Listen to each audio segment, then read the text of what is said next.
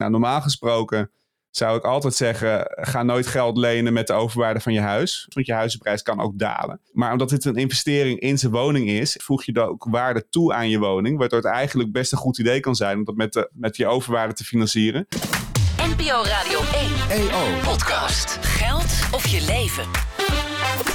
De vraag van vandaag met Sandra Flippen en Sander Heijnen.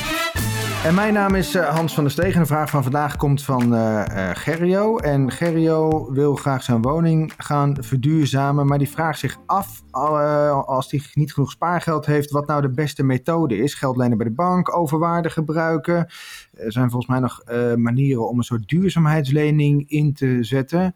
Uh, maar voordat we uh, daar proberen een vraag op te vinden, ga ik jou eerst feliciteren, Sandra. Ik lees dat jij benoemd bent tot bijzonder hoogleraar duurzaam bankieren. Klopt. Wauw. Heb je goed gelezen? Gefeliciteerd. Ik ja, zeg, uh, dankjewel. kom maar op met die confetti. Wat ga je doen? Ja, ja ik kan niet. ik ben extreem blij hierover. Ja, wat, wat ga je precies doen? Ik ga onderzoek doen naar hoe banken kunnen helpen bij het uh, sneller afbouwen van de CO2 uh, voor huishoudens en bedrijven. Daar komt het eigenlijk op neer. Kijk, wow. belangrijk werk. Mooi werk. Uh, en, en dan, dat, dat, dat, dat ligt natuurlijk, de, onze vraag van vandaag ligt dan helemaal in het verlengde daarvan. Gerrio wil zijn woning verduurzamen. Nou, hoe gaat ja. hij dat doen?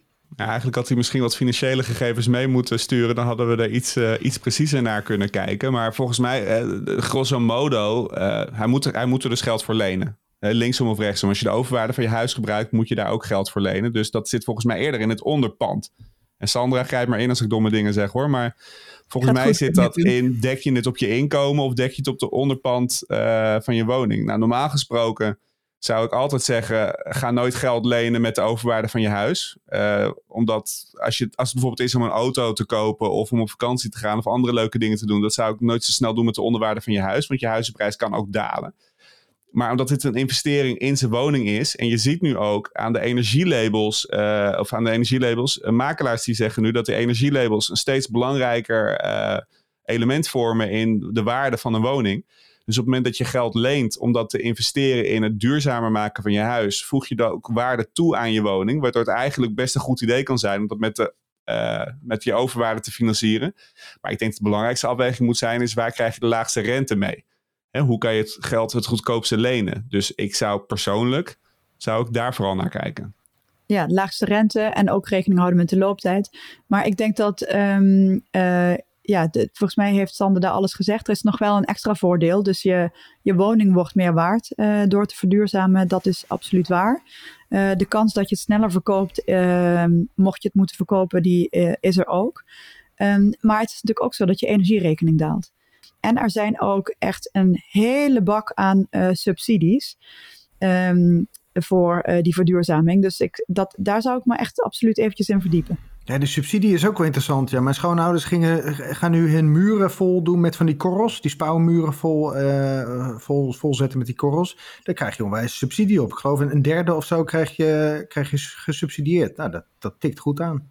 Nou ja, en ik denk zelfs, zelfs als je geen subsidie erop krijgt. We hebben komend jaar natuurlijk een energieplafond. Maar ja, ik vermoed dat het zomaar eens nog veel langer kan duren dat die energieprijzen zo hoog zijn. Uh, en dus dat plafond het, is niet eeuwig. Kaag ja, heeft Kaag... gezegd dat het niet uh, voor 2024 zomaar doorloopt, hè, dat plafond.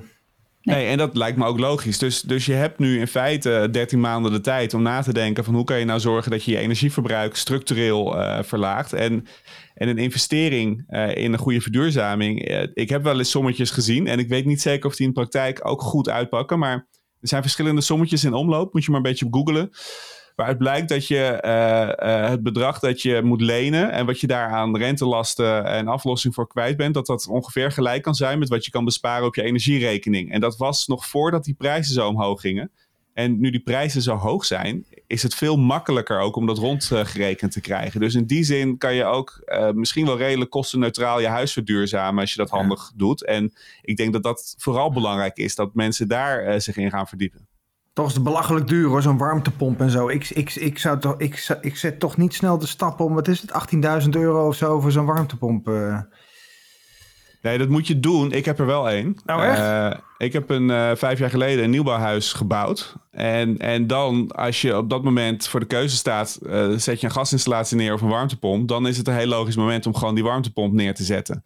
Als jouw cv-installatie op is, dat kan ook een logisch moment zijn. Maar het is inderdaad, als je nog een goede cv-ketel hebt... is dat een enorme uitgave. Maar goed, het is ook een transitie. Hè? Dus we moeten dit eh, de komende 15 jaar... moeten we dat allemaal gaan doen. Ik moet wel zeggen, het is... Het is wel lekker hoor. Eh, het geeft een lekker gevoel ook. Dat je gewoon af van het gas af bent. En dat je gewoon eh, je huis duurzaam verwarmt. Eh, dus dus, dus het, geeft, het levert je meer op dan alleen een financieel voordeel. Maar het de, de antwoord aan Gerio's is eigenlijk eh, onderzoek ook bij de gemeente. Want ik weet dat bij ons in de gemeente Amersfoort er ook regelingen zijn, wat jij zei, Sandra, voor, voor het verduurzamen van, van je woning. Een soort, soort duurzaamheidsleningen of zo tegen lage rentes. Dus het loont de moeite voor Gerio volgens mij om onderzoek te doen wat er allemaal mogelijk is in, eh, in, in zijn woonplaats. Eh, dank Sander en Sandra. Heb jij ook een vraag? Mail die dan naar podcastradio1.nl. dit was hem vandaag. Morgen weer een nieuwe vraag.